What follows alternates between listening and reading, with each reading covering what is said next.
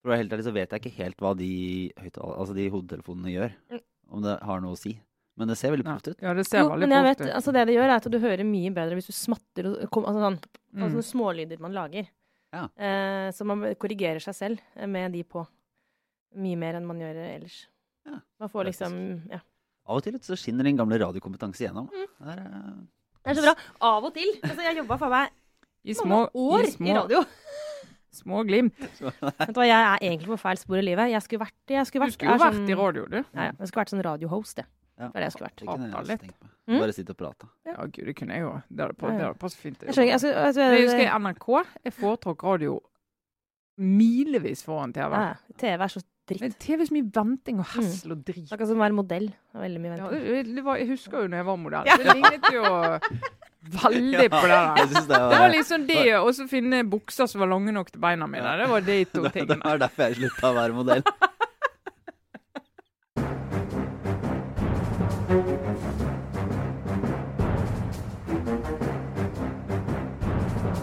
Begynner da. Yes.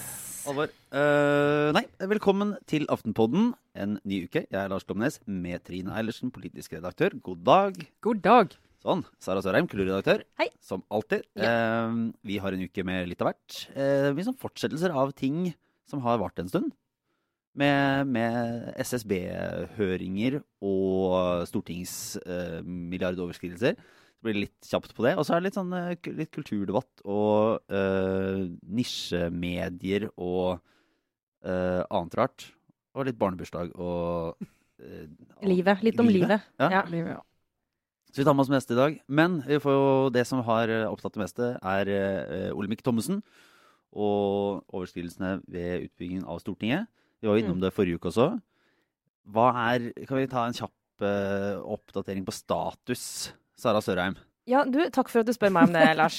Eh, etter at jeg prøvde å redegjøre for eh, hvordan, hvordan har det seg egentlig, hva skal til for at en stortingspresident skal kastes av Stortinget? Så, så siden det gikk så bra i forrige uke, så gjør jeg et nytt forsøk nå. Men eh, heldigvis så har vi gode kollegaer, fordi Aftenposten hadde en helt utmerket sak for et par dager siden om denne prosessen, og om det faktum at Stortinget har hatt muligheten flere ganger til, eller vil si via presidentskapet sitt, til å stoppe dette. Eh, uten at man har uh, benytta den muligheten. Eh, og kanskje det mest kritiske for Olemic Thommessen akkurat nå, er jo at han eh, 20.12., uh, når han sto på Stortinget og redegjorde for dette, eh, lot være, enten fordi han faktisk sånn eh, bevisst lot være, eller fordi han ikke var informert. I hvert fall eh, fortalte han ikke, orienterte ikke Stortinget om at dagen før hadde da eh, Det såkalte byggeutvalget, eller noe i nærheten av det, Ja. fått en, en eh, beskjed om at ting kanskje ikke så helt ut til å gå inn eh, grensene likevel. Ja. Så 19.12. så var det ganske klart at eh, eh, budsjettsprekken kom til å bli større enn det man på det tidspunktet hadde orientert om. 20.12. sto Olemic Thommessen på Stortingets talerstol og sa ingenting om dette. Eh, og det har i løpet av den siste uken gjort hans eh, posisjon da, kanskje hakket mer utsatt enn det var sist vi satt her i dette studio.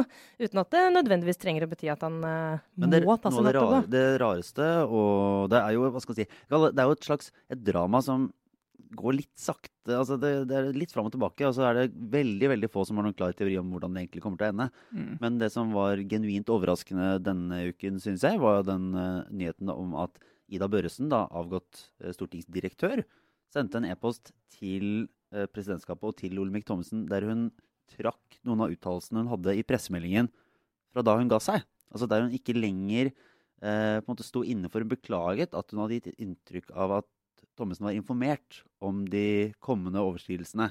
Ja.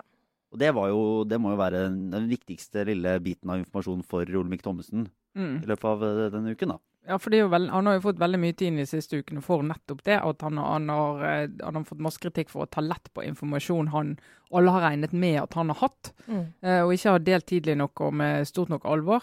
Eh, men så er det jo det er jo noe med som du sier, Lars, altså tregheten i disse prosessene. Vi visste at denne uken her skulle Stortinget, det skulle være et møte i Stortinget der eh, de parlamentariske lederne skulle treffe han, og det skulle være gruppemøter på kvelden og litt sånn da-da-da-da, skjebnedag. Og så er jo ikke vårt system sånn at de, altså de skjebnedagene er det jo veldig få av. Vet du hva, det er skuffende på. Da er det litt sånn Skjebnedagen blir alltid litt sånn myk landing, og så skal vi gå en runde til, og så blir det en redegjørelse. Vi snakker april, vi snakker mai. Så må man ha et gruppemøte. og så- Så det, og det er jo vakkert det. Det er jo vakkert at demokratiets kvern ikke jobber eh, altfor kjapt og altfor eh, overilt.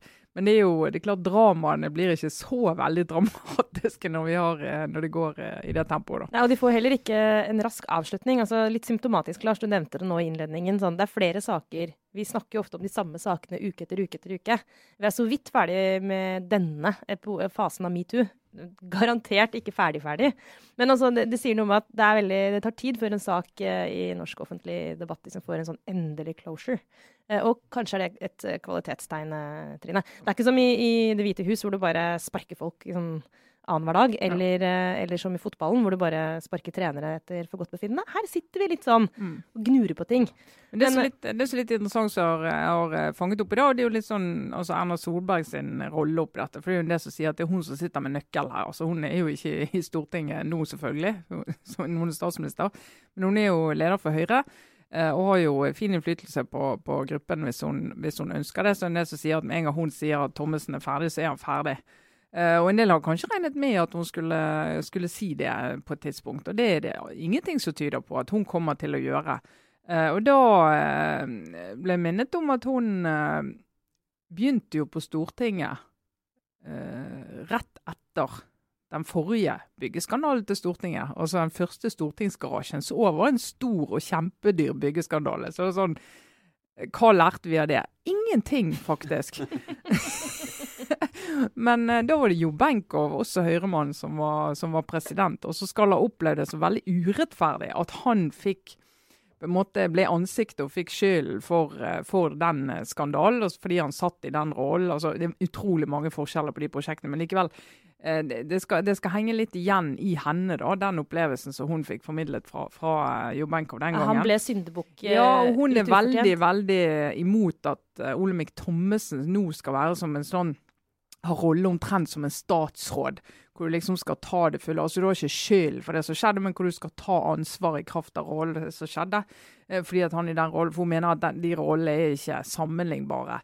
Og at her må du mye mer se faktisk på kollektivet Stortinget, på vedtak som er gjort underveis. Vi hadde en sak i går om alle mulighetene Stortinget har hatt til å eh, til å gjøre dette billigere, til at kostnadene ikke skulle løpe så løpt som de har gjort. og Det har de jo stemt ned alle gangene. Mm. Eh, men, men derfor så er det ikke gitt at, at, at hun kommer og sier at nå, eh, nå er det kjørt. Men så skal de jo finne en halv milliard da, eh, på budsjettet og få dekke inn de nye overskridelsene. De første 1,8 milliardene de er jo blitt budsjettert for allerede, men nå skal de finne en ny halv milliard til de, til de neste, da. Og så er det jo et spørsmål på et eller annet tidspunkt hvor eh, eh, jeg tror dette her harmonerer ganske bra med det inntrykket jeg har av eh, Erna Solberg som leder. Altså, hun er ikke den typen, virker i hvert fall ikke sånn, sett utenfra, den typen leder som, eh, som gir andre skylda og så blir kvitt dem og så ferdig med saken. Ellers så er det en helt relativt legitim altså, det, er, det går an å tenke sånn at eh, du nå må du ta, ta ansvaret, og så går du, og så er vi ferdig med saken. Og det er synd for deg, men det er til det beste for partiet og for, i dette tilfellet, for landet, liksom. For, for å få en slutt på saken. Hun virker ikke som en leder som tyr til sånne i gåseøyne eh, snarveier, da. Hun, hun vil ikke at han skal få en sånn syndebukkrolle, med mindre det er helt rettferdig, eh, på en måte. Men spørsmålet er jo eh, om hun eh, kan sitte og se på at denne saken blir også sånn omdømmemessig verre og verre og verre. Én ting er nå for politikere i Norge generelt og Stortingets posisjon, men for Høyre. Altså, det er jo en kjempedårlig sak for Høyre. Og selv om han nå er stortingspresident, han, for, altså, han er Høyre-politiker. Hvor lenge kan hun se på at eh, denne saken bare utspiller seg og utspiller seg uten å liksom, ta grep for å bare rett og slett eh, så- redde sitt partis omdømme? Er, er ikke det et spørsmål snart nå? Ja, eh, Stortinget har et stort problem. Han blir jo, han blir jo valgt med knappest mulig flertall. bare Det er jo helt ekstremt. Altså Stortingspresidenten pleier jo å være en sånn rolle som altså Han er hele Stortingets president, selv om han kommer fra et parti. Uh, mens nå, at I høst så ble han valgt med knappest mulig flertall. Eh, og Hvis de nå skulle kaste han og få inn en ny, så kan du få en ny som blir valgt med knappest mulig flertall. Da det blir en ny tradisjon i Stortinget for måten du uh, innsetter stortingspresidenter på, som jo er Altså det, det, er jo ikke, det er jo ikke bra med den rollen stortingspresidenten skal ha. Det skal jo ikke være en så politisert rolle, det, Mm. uh, sånn som den fungerer. Så det er jo, det er jo et eller annet med altså hele, hele det byggverket der, da, som, som også er litt sånn i endring nå, da. Se, i, eh, det er jo egentlig omtrent der der. Vi kommer jo til uh, bare en siste ja. sånn tanker ut. Det som jeg synes er vanskelig med denne saken, er å skjønne sånn faktisk hvor mye penger det er. Altså, nå må jeg ærlig innrømme at når det kommer mange nok nuller på et tall, så mister jeg litt følelsen av sånn Altså, jeg, jeg er litt den der kultur... Akkurat der er jeg veldig sånn kulturkjerring. Sånn million og milliard. Ja, ja. Det er masse penger. Men altså, denne summen her Jeg, jeg så liksom nå denne uken at jeg snakka om sånn Ja, nå er kassa tom. I løpet av april så er liksom pengene borte. Altså, kommer noen til å merke dette sånn på livreima? Eh, for nå snakker vi om prosess. Vi snakker om eh, hvorvidt presidenten kan bli sittende. Altså det, det uprofesjonelle i håndteringen. Men penga, altså er det altså det, hva, det- hva, kommer, hva er konsekvensen Det skal jo sånn tas av statsbudsjettet, det òg. Tas, så du kan jo altså, Sånn du merker det på. For det første er det ikke sikkert at de regningene skal betales i år. Og da må ikke det budsjetteres for i år. Det blir budsjettert for neste år. Da vil du oppleve at det er liksom inni et eller annet stort uh, i det store, svarte hullet. Du vil ikke merke det så direkte. Men det blir jo en del av prioriteringene som blir synliggjort i statsbudsjettet. Da. På grunn av det så er vi nødt til å bruke en halv milliard på det. Og så tenker på hva bruker du? Altså Lærerløftet til KrF eh, kostet en milliard. Ja, nettopp. Og, og regnes som en veldig eh, kostbar budsjettgjennomslag. Veldig kostbart eh, budsjettgjennomslag. Mm. Ja, ser du på kulturbudsjettet, så er jo en halv milliard helt enormt mye penger. Ja, hvis du hørte på, Det var, det var egentlig interessant, og den tror du kommer til å få høre mer. Eh, første gang jeg hørte det var i dag. Han eh, Lien, Tord Lien, tidligere olje- og energiminister, var Politisk kvarter i morges og snakket om eh, karbonfangstteknologi og anlegg i Norge, og i hva grad staten skal gå inn og betale for det. Og han sier altså prislappen sånn som det ser ut nå, er jo ikke mer enn fire stortingsgarasjer. Oh. Endelig har vi fått noe som kan ta over for Grandiosa som sånn eh, regnemodell. Sånn hvor mange Grandiosaer. Ja, og sykepleiere. Mm. Og sykepleiere. Ja. Eller halvlitere, som vi ellers er i kulturlivet har ja. ja. pleid å bruke. kan, bruke. det var jo en, en, en kommunikasjonsstrategi fra Carl I. Hagen var jo ikke bruke milliard i noen særlig grad, bruke 1000 millioner. Ja, nemlig. For å, når man skulle snakke om store tall, så var det en eh, bevisst for at eh, det virker mye mer. Det var jo sånn når staten bruker 2000 millioner på et eller annet. Ja, ja, Så- men det, det, så gjør det hører jeg med en gang. det. Ja. Det. Det funker på, det funker på meg, det. Men for, fra, eh, fra det da konkrete til det mer metanivået. Fordi i, eh, vi beveger oss om ikke på, på de, de andre delene av internettet. Og det er, litt- vi har litt, det er litt sånn det er et åpent spørsmål hvor bredt dette egentlig er. Men, Så mener du vår podkast? Nei, vår- ja, den, er, den er bred. Det er, eh, det er det ingen tvil om. Og folkelig. Ja. Eh, Bred og folkelig. Eh, Så eh, punktum. Det er helt greit. Men eh, det har vært diskusjoner. Egentlig så startet det vel som så mye annet, og det er jo det som er litt av temaet her, med dette eh, Resett. Ja, du skal over hit. Ja, Ja, nemlig. Og eh, en eh, debatt som har vært nå i forbindelse med egentlig en, Hva skal en kalle det? en det var ikke en kampanje, men en, en, et stykke. Det er vanskelig å kalle det journalistikk også, hvis jeg skal være helt ærlig. For helt ærlig, bak, jeg, tror, jeg tror eh, Helge Lurås eh, selv kalte det en kampanje på Dagsnytt 18 i går. Så vi kan i trygt kan gjøre det. i nærheten, eh, etter at hun Samaya Jidde Ali, eh, som er, har fått pris for var det årets bodøværing og, og diverse annet, har markert seg i samfunnsdebatten da, som en ung muslimsk kvinne eh, med somalisk bakgrunn, eh, og som har fått Hun fikk vel en, en pris der hun eh, noe ja, Jeg skal ikke karakterisere det, men uttrykte annet liksom, ja, sa noe sånn 'fuck Listhaug'. Og var vel også noen tweets der hun snakka om eh, 'fuck politiet'. Og det har jo da Resett uh, gått inn i, og flere andre i såkalte både Facebook-høyre og andre deler av, uh, av den fløyen. Og på en måte pekt på hennes uh, rolle som samfunnsdebattant, og hvordan hun ja, er en polariserende figur, og i det hele tatt kommet med mye kritikk. Eh, som da har blitt etterfulgt av en del sosiale medier-innlegg og Facebook-ting, og, og enorm eh, mengde hets både ute på, på for offentligheten og direkte til henne. Mm. Eh, og så har jo da dette nyhetsaktige påståtte nettstedet Resett stilt seg i front for det her, da. Eh, og Helge Lurås var blant annet på Dagsnytt 18 på onsdag. Og vi sitter vel igjen med det vi har hatt som spørsmål litt mellom oss. er sånn, Hvordan håndterer man denne nye offentligheten? Det kom jo litt opp i forbindelse med Trine Skei Grande-saken Mm. som også startet der, med noe som ikke nødvendigvis regnes som normal journalistikk og på utsiden av våre vanlige regler. Og så blir det noe man ender opp med å snakke om likevel. Ja, det der er, tror jeg, et av de Det er liksom sånn- et sånt kjernespørsmål nå i den altså, skal, I den grad vi har en sånn kulturdebatt eller en diskusjon om liksom, trender i vår tid osv.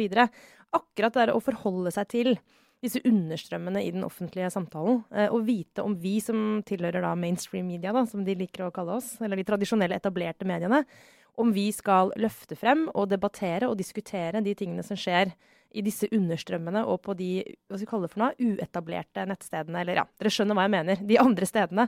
Altså Skal vi løfte det frem og diskutere det?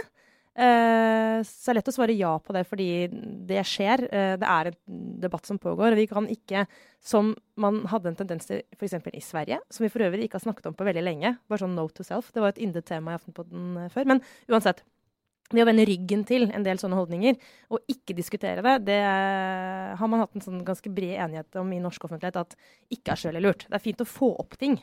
Men utfordringen nå er at når du løfter frem diskusjoner som foregår f.eks. For på Resett, så gir du også da det, den plattformen en slags legitimitet da, gjennom å ta dem på nok alvor til å diskutere det som skjer der. Den syns jeg er vanskelig.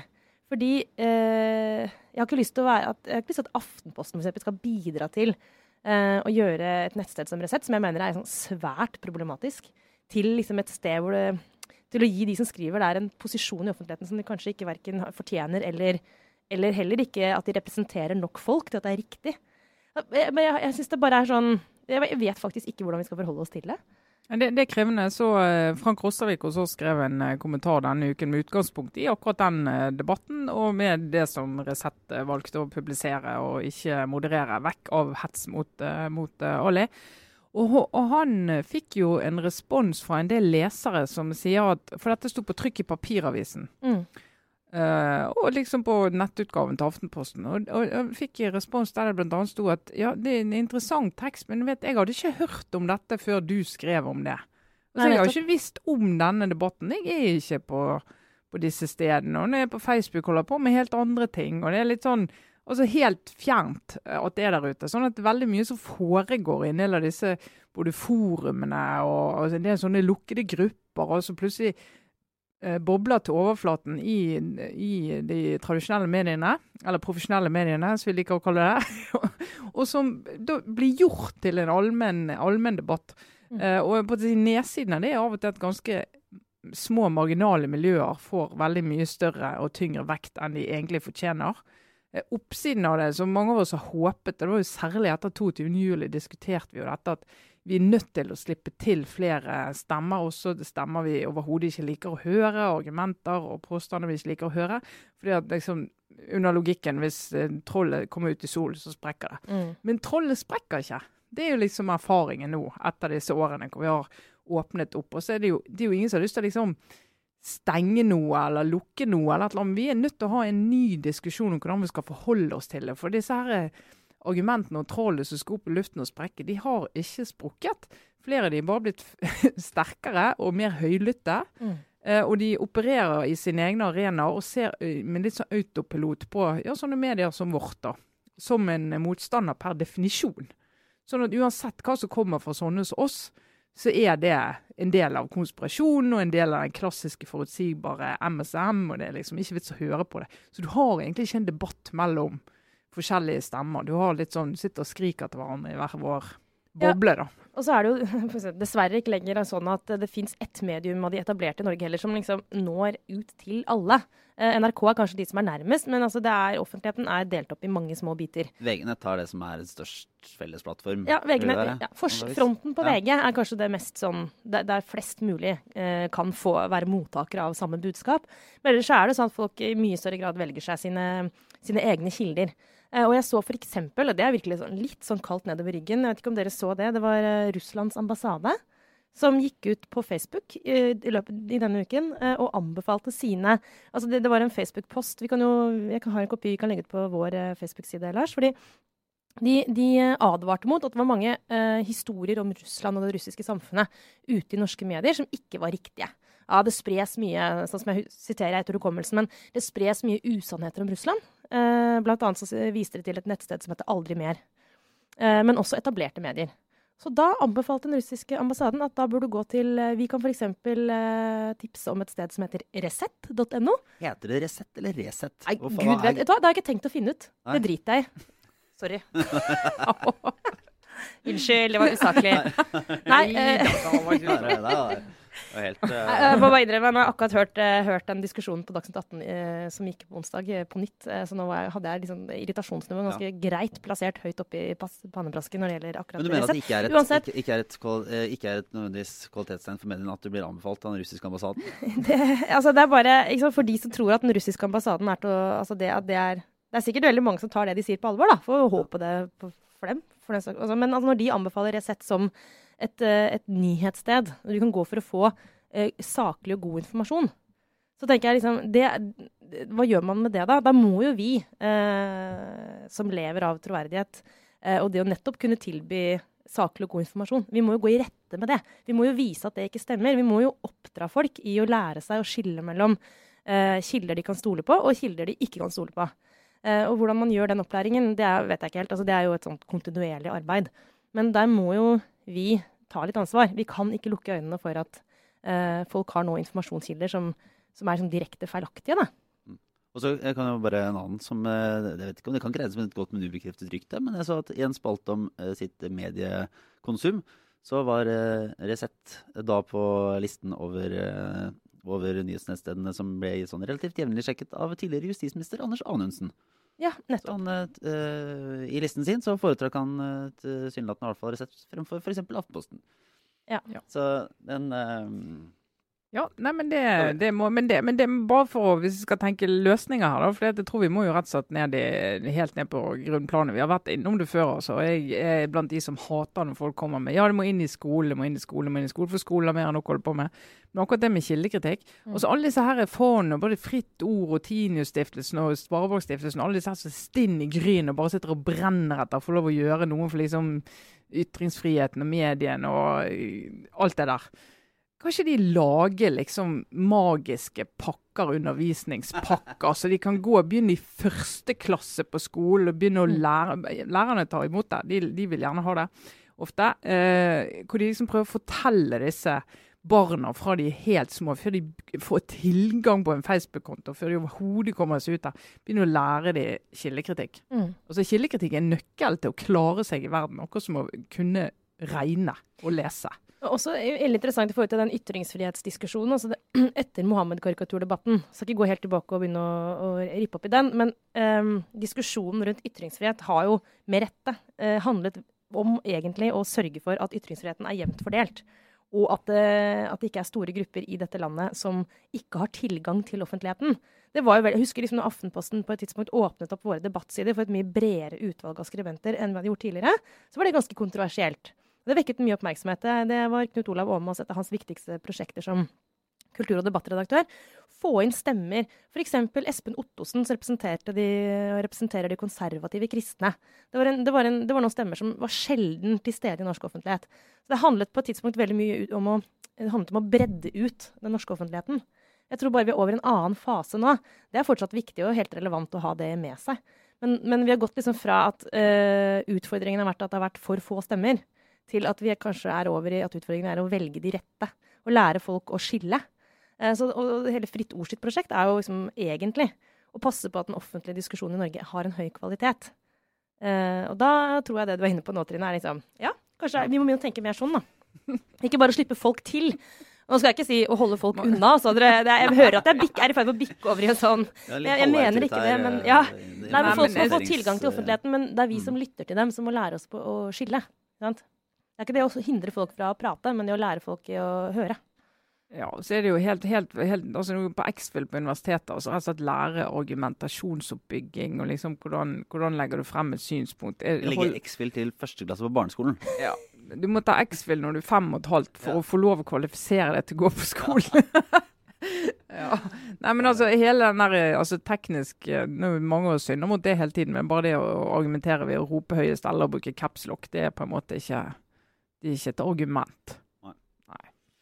Åh, vi har eh, egentlig eh, flere ting vi skulle innom, og du har litt sånn dårlig tid i dag, Sara, fordi du skal gjøre et eller annet på utsiden. Jeg skal, eh, jeg skal lede en workshop. Det Ja. er sånt vi gjør, eh, vi som er i. Eh. Hva er norsk ord for workshop? Har ikke peiling arbeidsøkt, eller? Og besøkt, ja.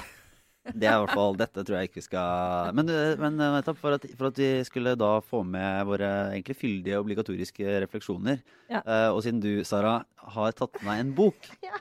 Uh, så tenkte jeg at vi kan ikke risikere å få for liten tid til, uh, til flere av de viktige punktene som skulle tas Nei. opp. Altså, jeg, blir- jeg blir liksom barnslig solgt. Jeg må bare innrømme det at uh, jeg håper det er et forbigående fenomen i mitt liv. Men altså, jeg skylder på barna. Men etter at jeg fikk to små barn, så er antallet bøker jeg leser i uka, ganske sterkt redusert. Så denne uken som jeg skrøt av på vei inn i studio, så har jeg lest to bøker i jobbsammenheng.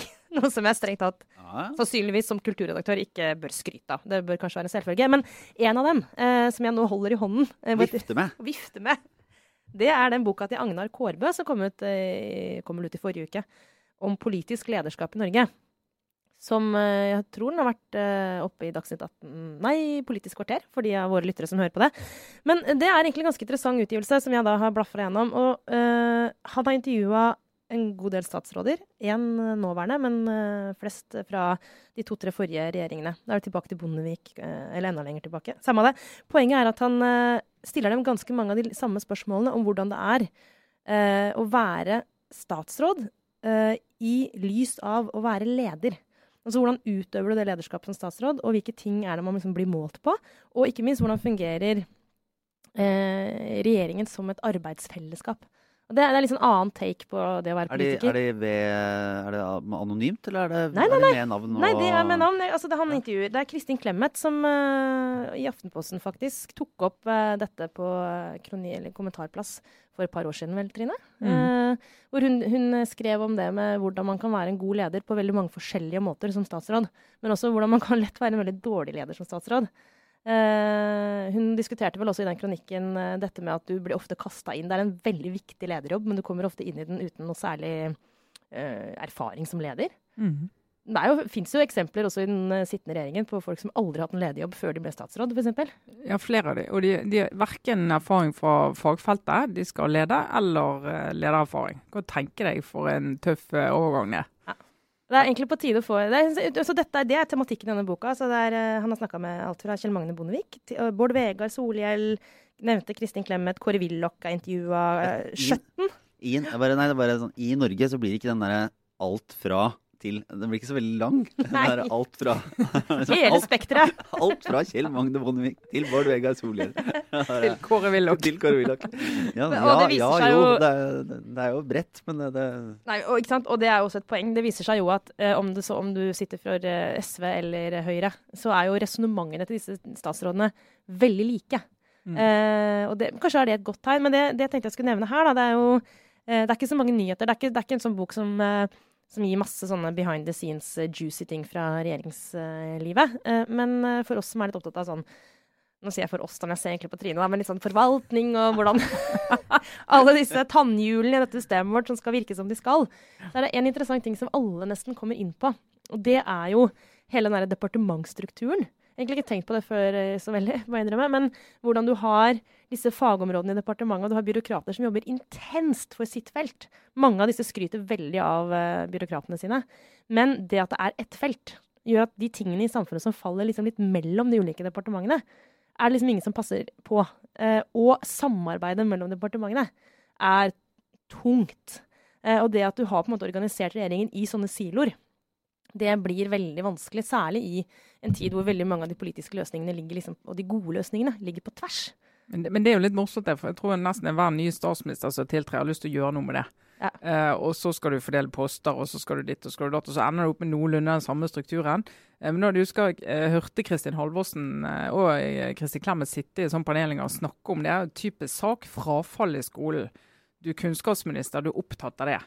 Og du ønsker å prioritere det i budsjetter og alt du jobber med. Men hvis ikke Arbeidsdepartementet og Helsedepartementet også er opptatt av det, så blir det jo ingenting. Sånn? Så du er liksom du er utrolig Og, og, og da når litt av konkurransen ofte på disse budsjettkonferansene så er jo konkurransen om å, om vinne budsjettmidler til sitt departement. Mm. Det er en sånn egen greie som skal prøve liksom min statsråd. Vi, vi klarte å få det vi argumenterte for. Hvis du da sitter og sier men nå argumenterer jeg for at det departementet skal få mer penger, og det departementet vi kan også få litt, men de må i hvert fall få. Hvis ikke får ikke jeg til det som er mitt politiske prosjekt. Mm. Så at det er noen sånn strukturelle ting som står i veien for at det alltid funker sånn som det skal. da. Det er gøy også å høre om sånn, hvordan da mm, eh, forskjellen på altså, den rød-grønne regjeringen at nesten alle de vanskelige diskusjonene ble tatt i dette underutvalget. Det er flere av de rød-grønne statsrådene som peker på sånn De reelle diskusjonene ble ikke tatt i kollegiet. Eh, og Inga Marte Thorkildsen eh, forteller at hun aldri hadde en medarbeidersamtale med Jens Stoltenberg, f.eks. Eh, mens Bondevik forteller at han var statsminister, og var veldig opptatt av medarbeidersamtalene og hadde de ofte. Og bygget liksom sitt kollegium, kollegium gjennom det. da.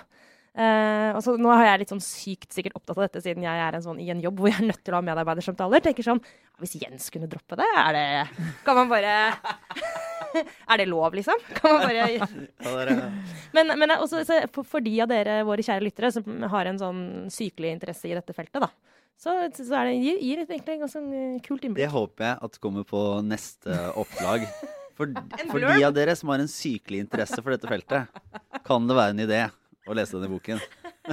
Bare- Kåre bare Yes! Nå! Det er Nå har jeg funnet målgruppen min. ja.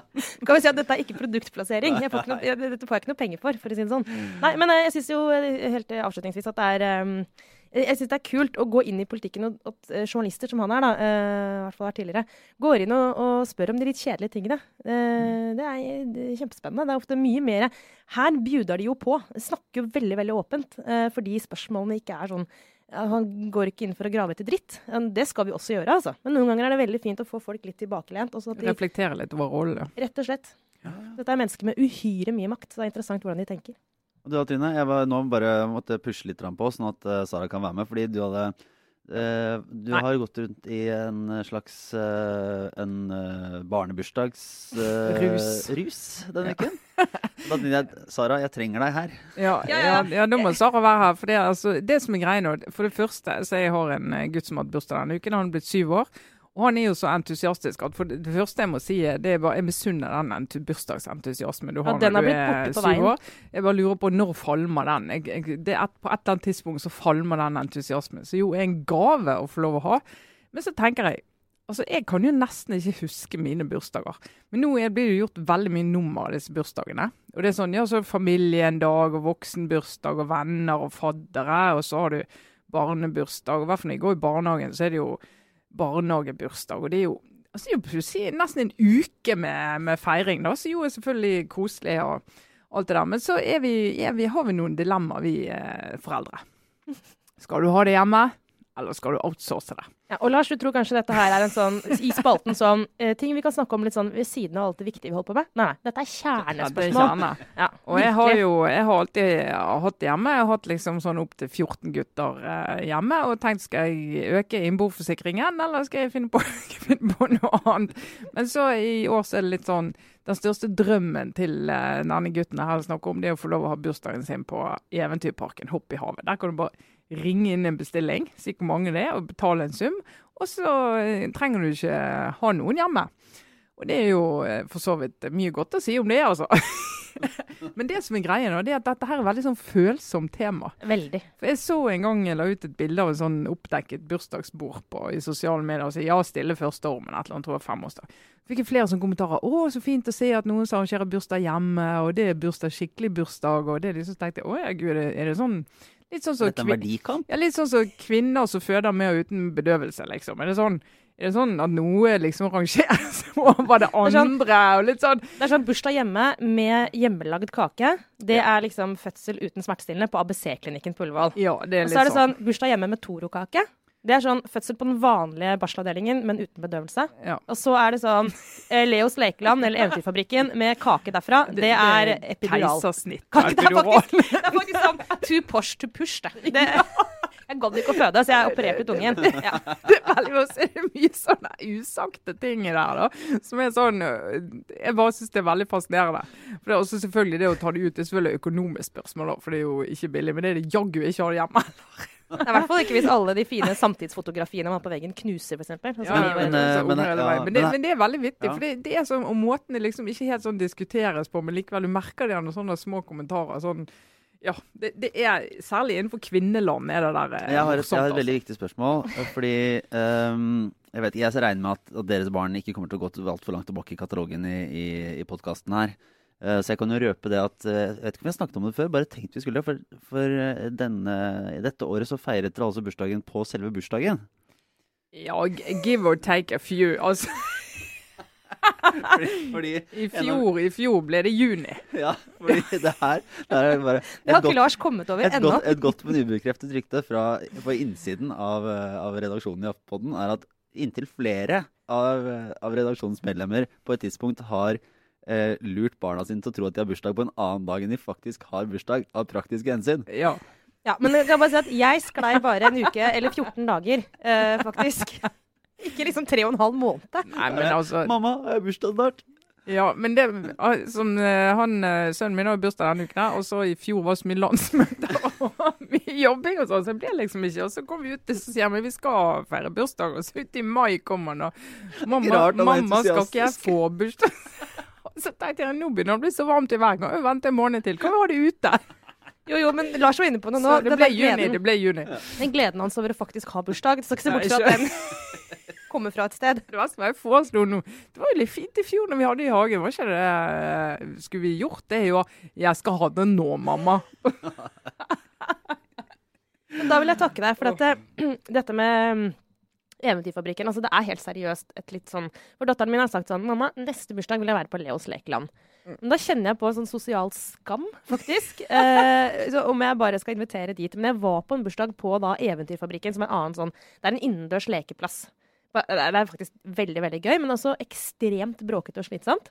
Jeg var der for første gang for noen uker siden på en bursdag, og jeg hadde dessverre vært litt sent ute kvelden før. Det må man bare ikke gjøre. Eh, så jeg, det, var, det var virkelig Altså, jeg fikk så vondt i hodet. Det var helt Men ungene hadde det jo dødsgøy. Eh, så tenker jeg sånn var, Men jeg syns det var litt sånn eh, tegningene altså Det var sånn mal, liksom malerier på veggen av noen pirater og sånn som var utro... Altså, ja, det var sånn danskebåtfølelse. Jeg bare, åh, jeg ble, men eh, Sa- Sara, kan barna... du beskrive hva du sitter og, hva du sitter og drikker på Hva er det du har eh, som, som, eh, som Før du fortsetter å, å pisse på uh, på sånn felles leke, leketilbud? Hva jeg har med meg inn i studio? Su superfood. Jeg har med meg en liten spinatsmoothie, faktisk. Jeg tror det. Jeg tror det akkurat bare Og så klager hun på at det ikke er Ludvig Eikås på veggene Ja. i Leos lekeland. Ja. ja. Fordi det jeg skulle til å si, var at ja, Nei, for at eh, barna våre skal kanskje slippe å mm, lide for Altså spise vond kake fordi at jeg har prøvd å lage den selv. Jeg kan ikke bake. Eh, spise vond kake og ha kjedelig bursdag for at jeg føler sosial skam eh, når, det, når det kommer til Leos lekeland. Det er kanskje en litt for stor byrde å, å legge på mine barn. Så, men, men jeg- her har vært litt, litt vanskelig for meg å snakke om. Men nå som jeg, Trine jeg ble faktisk super Trine kom bare en dag og sa sånn Nå har vi booka, har vi booka liksom en bursdagsslott på eh, en av disse her eh, le leketøystedene.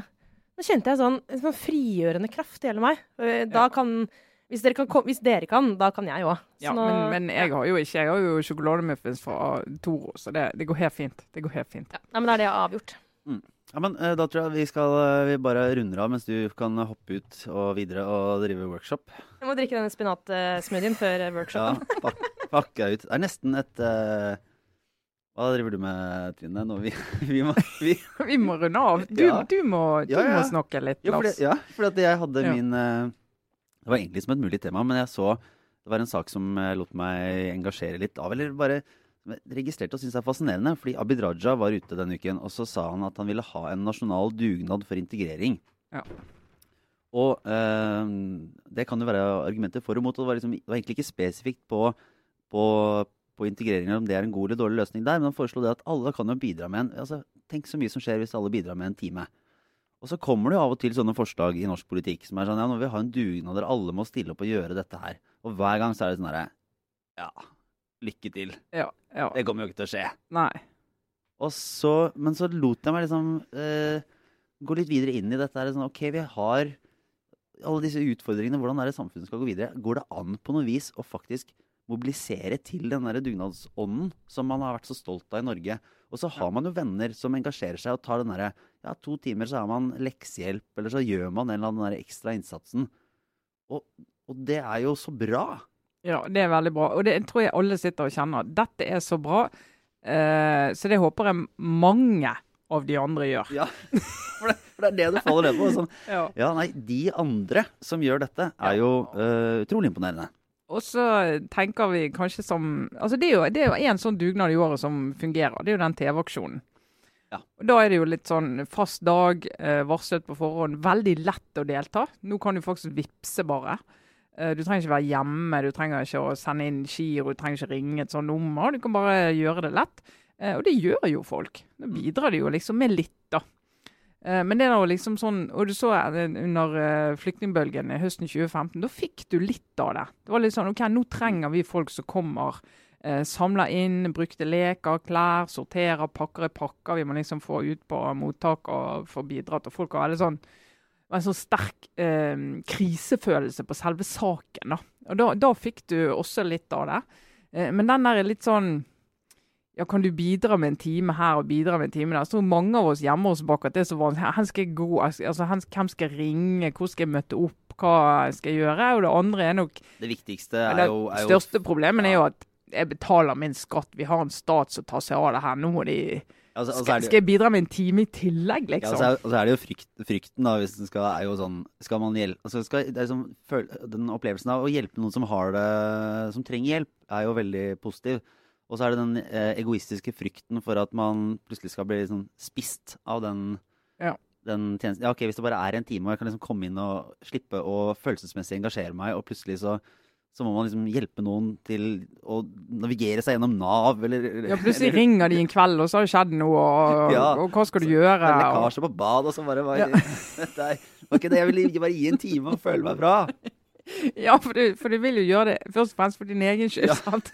Liksom, men det er jo, men, det, men jeg tror jo altså vi skal gjøre det, så må det være utrolig mye mer konkret. sant? Da må du ha sånn Lyn ski sier at nå skal vi ha skitrening for barn som aldri har vært på ski før. Vi trenger skiutstyr, vi trenger voksne som kan hjelpe til. vi trenger liksom, Og da mobiliserer de innenfor det lille miljøet. Men en sånn generell dugnad, det tror jeg veldig Men er det ikke men det, Ja ja, nei, det skal liksom ikke bli for stort. Men dette, det er jo Det vil jo ha en eh, Det er jo en av sånn få krefter du vil ha til å faktisk bringe et, sånt, et samfunn virkelig videre. da. Hvis man fikk, fikk satt i gang det. Og mange av de tingene som har skjedd, og som har gjort at Norge har gått fremover, er jo noen sånne allmenne programmer. altså den der felles mobiliseringen rundt noen prosjekter som tidligere har vært eh, som, som gjennom historien har vært noe både makta har kunnet påtvinge folk, og så har det skjedd. Og så blir samfunnet mer og mer fragmentert. Og så man at de stegene er det vanskeligere å ta hvis ikke det faktisk er sånn at ja, ok, alle legger i litt ekstra tid og kraft, og så Mm. ser vi om vi kan få det litt bedre. Eller liksom lære oss noe nytt, eller ta oss et steg videre. mm. Um, og jeg lurer på om det, om det på noe tidspunkt går an å gjøre den innsatsen, eller om det kommer, eller om den tiden er bare sånn Nei, sånn det kommer aldri til å skje igjen. Nei, vi må utvikle en app. Du kan melde deg. Nei, men det, men det er jo det er litt sånn trist at det skal være så For jeg er helt enig med deg når du hører det, så tenker du ja. Ja ja, lykke til, liksom. Men det er jo fordi det er jo en del av disse her tingene som fungerer best når det skjer på lavest mulig nivå. altså Virkelig sånn fra individ til individ. sant? At det blir litt sånn ødelagt hvis du får en sånn statlig dug, dugnad i hermetegn. Nå skal vi organisere en dugnad. Så er jo mange bare av den grunn som ikke har lyst til å, være med. altså, nor- Nordmenn er jo veldig, er litt redde for å bli påtvunget eh, fellesskap på et vis. Da, da Audun Lysbakken kom med som pappagruppene. Ja. Sånn trillegrupper. Ja. Og så ble, som ble latterliggjort som på en måte tidenes dummeste idé. Mm. Sånn her, hva faen skal liksom Skal masse fedre som går rundt og triller, som ikke kjenner hverandre, møtes på gata og bare henge? Ja. Og så virker det helt fjernt. Ja. så har du jo sånne der, Du har jo sånne andre varselgrupper for Ja, så, som helsestasjonen Ja, organiserer. Som er helt tilfeldige mennesker som bare setter Ja, ja. sammen, og så skal de Ja, være et fellesskap og, som ikke er jobben eller, eh, eller andre spesielle Ja. interesser. Ja. Nei, vi får eh, løse dette med en eh, App. En app. Det er, det er det er vår den store En uh, Aftenpåndens eh, tekniske løsning. Dugnadsapp. Ja. ja. Nei, med det så tror jeg vi, vi runder av for denne uken. Uh, takk for oss, Trine Eilertsen, Lars Domnes og Sara Sørheim som var her. Og så oppfordrer vi alle til å uh, abonnere på podkasten vår og følge oss på Facebook, der vi legger ut saker og ting gjennom uka. Ha det bra. Ha det.